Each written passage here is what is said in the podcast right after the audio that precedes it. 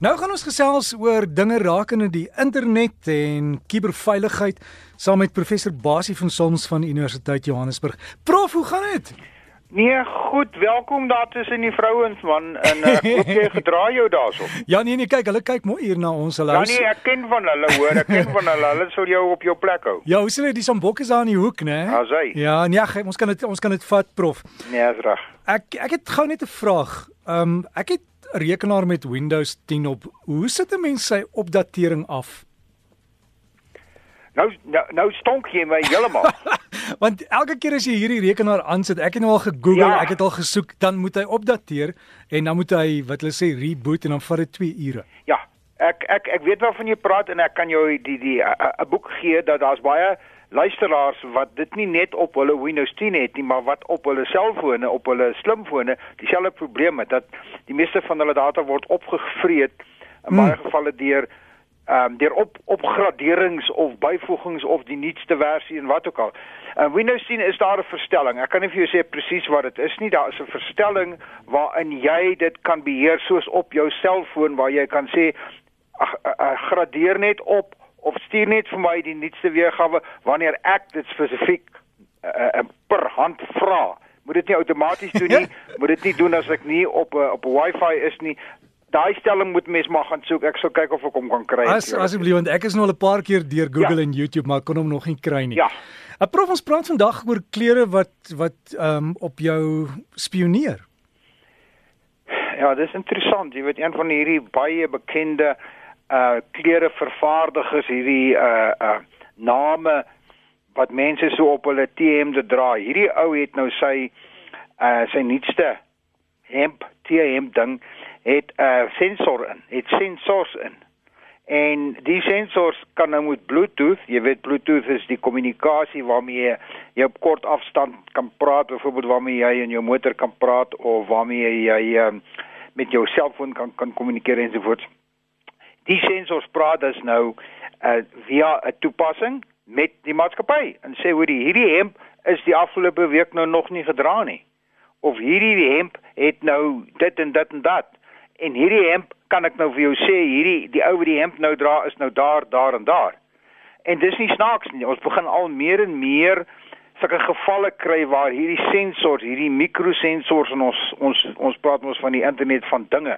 Hierdie is die dinge wat nou in ons klere ingebou gaan word en in hierdie spesifieke geval uh, is daar is daar 'n webwerf waar jy kan gaan lees daaroor as jy hierdie hemp koop, kan jy die versekerings wees as jy hom dra, gaan hy gaan hy laat weer terug na die baas toe of na die na die ou wat die hemp gemaak het om na die webwerf toe sê hierdie ou dra gereeld jou hemp en wat gaan hulle doen?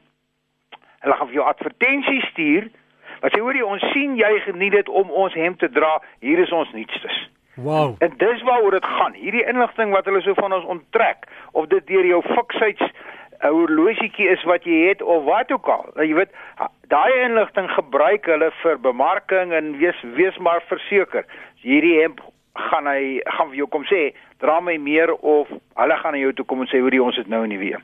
Dan 'n uur glas vir Instagram en Facebook. Ja, dit is nogal 'n interessante ontwikkeling. Ek dink daar was soveel klagtes gewees en nie net klagtes nie, maar bekommernisse van ouers en van mense dat Instagram en Facebook en, en tot 'n mate selfs seker WhatsApp ook uh so baie gebruik word dat mense ure tot 18 ure per dag daaraan spandeer. Nou kan jy 'n uh, 'n verstellings maak. Jy kan nou sekere verstellings maak in jou Facebook profiel of in jou Instagram profiel of wat ook al wat vir jou waarsku. Jy kan byvoorbeeld sê ek wil nie meer as 8 ure 'n dag hierop gebruik nie. En as my 8 ure op is, waarsku my. Jy weet dis nou ouens wie se selfbeheer nou maar bietjie daaronder is. Dan sal hy na 8 ure sal hy terugkom en vir jou sê ek sny jou nou af, jy kan nie verder gaan nie. Nou goed, jy weet, dit is eintlik bietjie lagwekkend want jy al wat jy nou kan doen is jy kan sê ek wil verder gaan en ek gaan nou hierdie verstelling weer verander want jy het beheer oor hoe lank jy daai verstellings wil maak. Maar tog nogtans, ek dink dit is 'n stap in die regte rigting en jy, ons het ook al daaroor gepraat dat daar is ook fasiliteite waarmee waarmee 'n ouer 'n kind kan beheer eh, sy sy tyd op sosiale netwerke. Maar hier kan die kind nie die verstelling verander nie. As dit op is, is dit op daai dag. Dan navraag oor Verify. Ja, ek het verskeie eposse gehad van van luisteraars wat vir my sê uh Verify word op RSG geadverteer as 'n webwerf wat jou kan help met polisse wat weggeraak het en al sulke tipe dinge. Hulle wil weet of dit veilig is.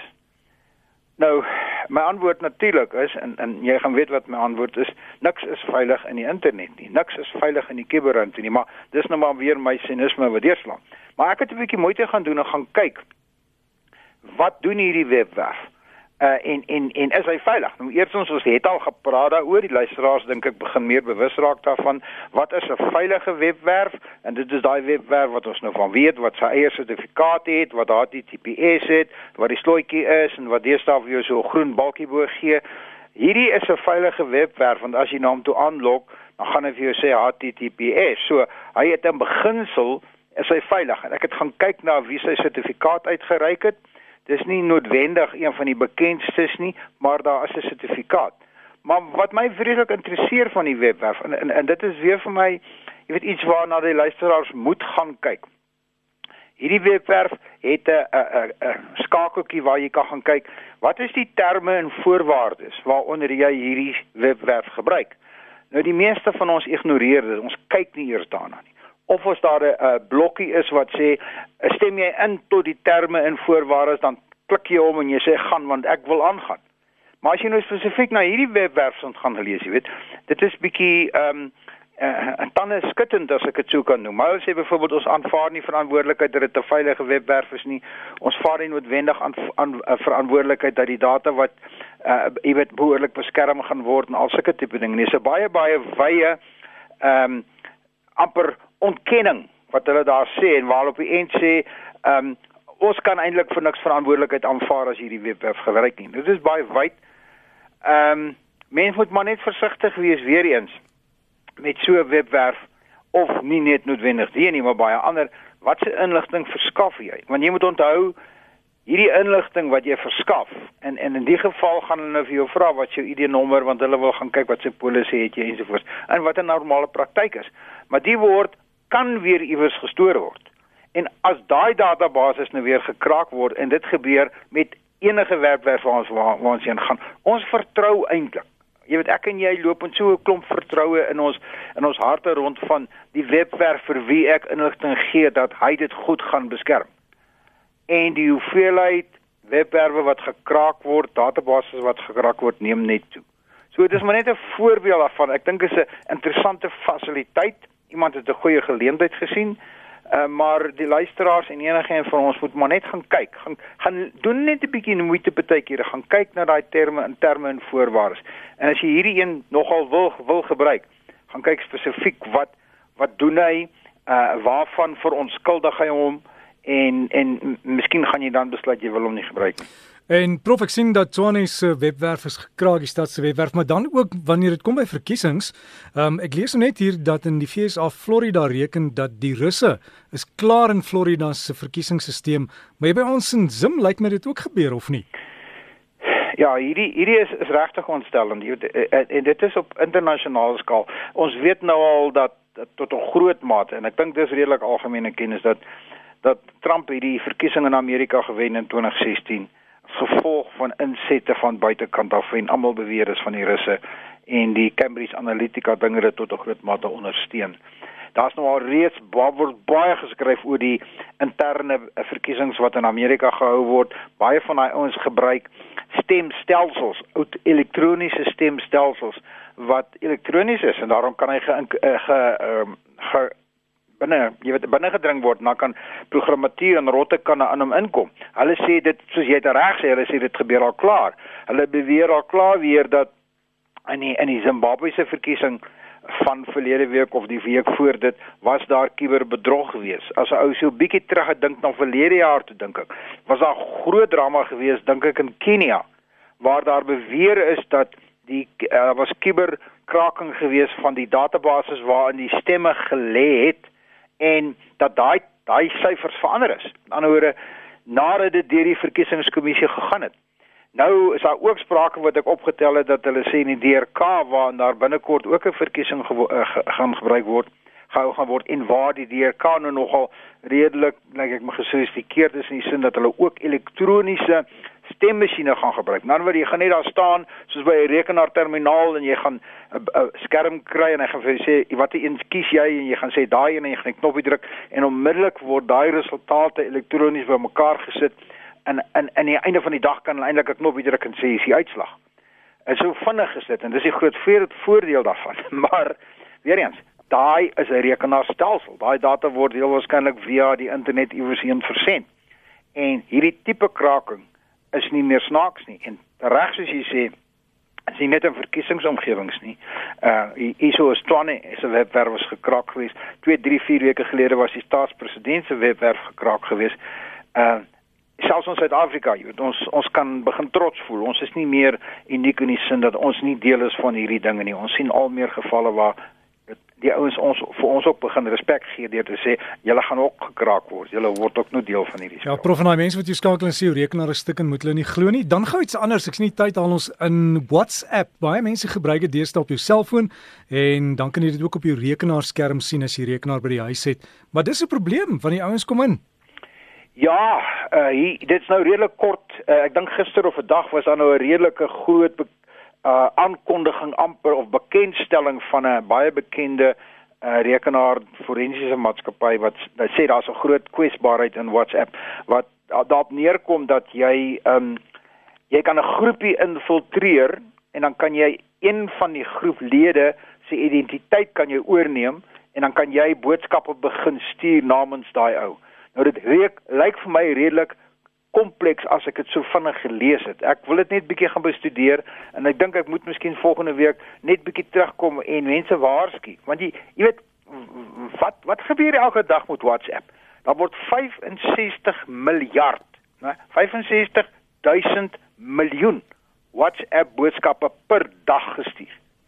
En omdat die stelsel nou so groot is, is daar kwesbaarhede in die in die programmatuur wat die stelsel bou.